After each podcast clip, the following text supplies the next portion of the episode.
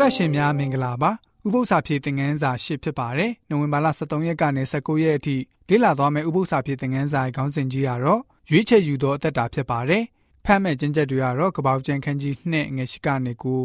ယောမဩဒစာခန်းကြီး6ငွေ23ရှမ်းဟန်ဩဒစာပထမဆုံးခန်းကြီး9ငွေ7နဲ့တရားဟောကျမ်းခန်းကြီး30ငွေ1ကနေ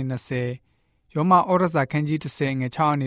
10တရားဟောကျမ်းခန်းကြီး4ငွေ19 ဗျာဒိကျန်ခန်းကြီး14ငွေ6ကနေ7တို့ဖြစ်ပါတယ်။အဓိကကျမ်းချက်ကိုတော့တရားဟောကျမ်းခန်းကြီး30ငွေ19မှာတွေ့နိုင်ပါတယ်။အသက်ရှင်ခြင်း၊သေခြင်း၊ကောင်းကြီးပေးခြင်း၊ကြင်ခြင်းတို့ကိုတင့်ရှိ၌ငါထားသည်ဟုတင့်တစ်ဖက်၌ကောင်းငင်မြေကြီးကိုငါတိုင်တယ်ဤဆိုပြီးတော့မှဖော်ပြထားတာတွေ့ရပါတယ်။စိတ်မသားရပွဲရာဇဝင်တပုတ်ရှိပါတယ်။သူငယ်မတယောက်ဟာအသက်22နှစ်ရှိပြီးတော့အိယာပေါ်မှာသေမဲ့နေ့ကိုဆောင်ဆိုင်နေရပါတယ်။ ခင်မီလာပါတယ်ဆိုတော့ဆေးဝါးမျိုးစုံကိုအသုံးပြုပြီးတော့ကုသတော်လည်းပဲမရပါဘူးမျော်လင့်စရာလည်းပဲမရှိတော့ပါဘူးသို့တော့အဲ့ဒီအမျိုးသမီးငယ်စန်ဒီဟာ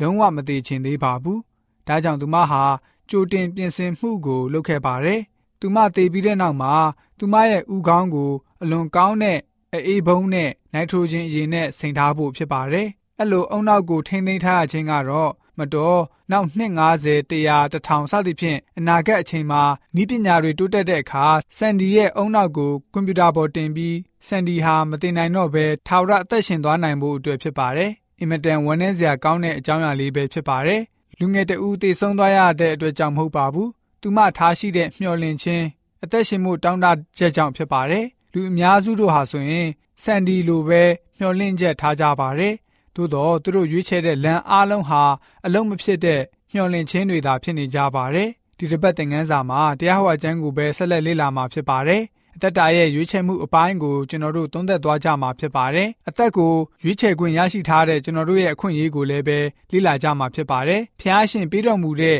ရွေးချယ်ခြင်းအခွင့်ကိုယုံကြည်ပြီးတော့အသက်ပေးပိုင်တဲ့သူအသက်ကိုစောင့်ရှောက်ထိန်သိမ်းပေးတဲ့သူဟာဖျားရှင်ဖြစ်ပြီးတော့ကရုဏာတော်နဲ့ကိုတော်ဟာပေးဝေတော်မူနေပါတယ်ဆိုပြီးတော့ဥပုံနေဥပု္ပ္ပစာဖြစ်တဲ့ငန်းစာကဖော်ပြပေးထားပါတယ်။